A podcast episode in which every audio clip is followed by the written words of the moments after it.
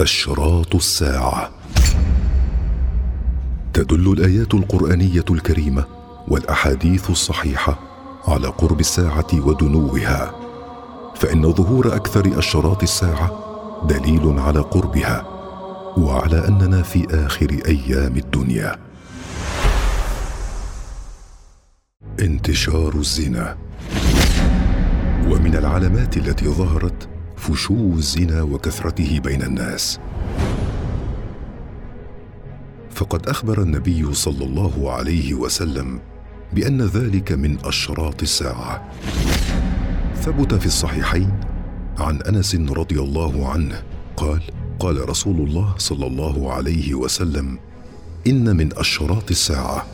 فذكر منها ويظهر الزنا. وعن أبي هريرة رضي الله عنه قال قال رسول الله صلى الله عليه وسلم سيأتي على الناس سنوات خداعات فذكر الحديث وفيه وتشيع فيها الفاحشة. وأعظم من ذلك استحلال الزنا فقد ثبت في الصحيح عن أبي مالك الأشعري أنه سمع النبي صلى الله عليه وسلم يقول ليكونن في أمتي أقوام يستحلون الحر والحرير. وفي آخر الزمان بعد ذهاب المؤمنين يبقى شرار الناس. يتهارجون تهارج الحمر كما جاء في حديث النواس رضي الله عنه ويبقى شرار الناس يتهارجون فيها تهارج الحمر. فعليهم تقوم الساعة.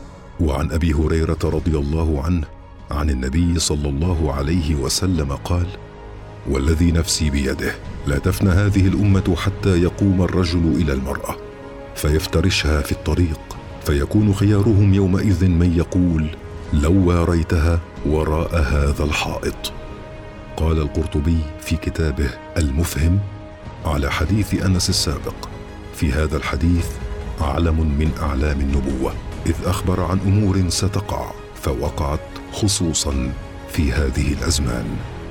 وإذا كان هذا في زمان القرطبي فهو في زماننا هذا أكثر ظهورا لعظم غلبة الجهل وانتشار الفساد بين الناس.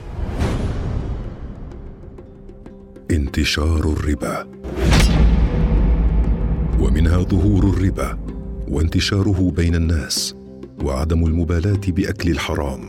ففي الحديث عن ابن مسعود رضي الله عنه عن النبي صلى الله عليه وسلم أنه قال بين يدي الساعة يظهر الربا. وفي الصحيح عن أبي هريرة رضي الله عنه أن رسول الله صلى الله عليه وسلم قال ليأتين على الناس زمان لا يبالي المرء بما أخذ المال أمن حلال أم من حرام.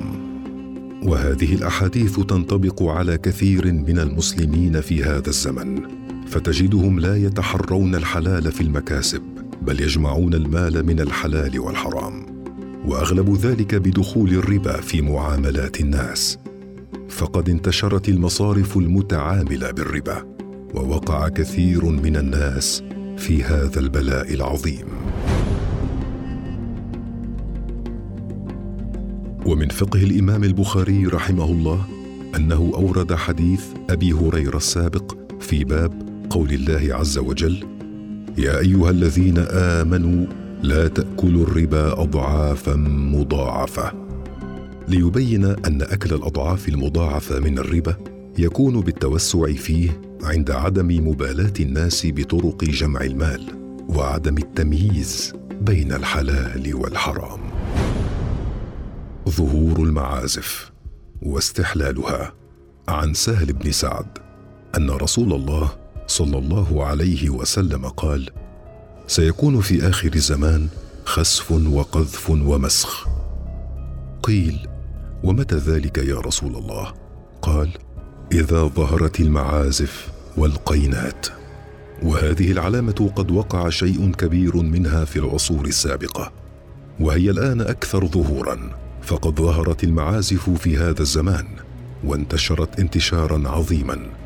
وكثر المغنون والمغنيات وهم المشار إليهم في هذا الحديث بالقينات.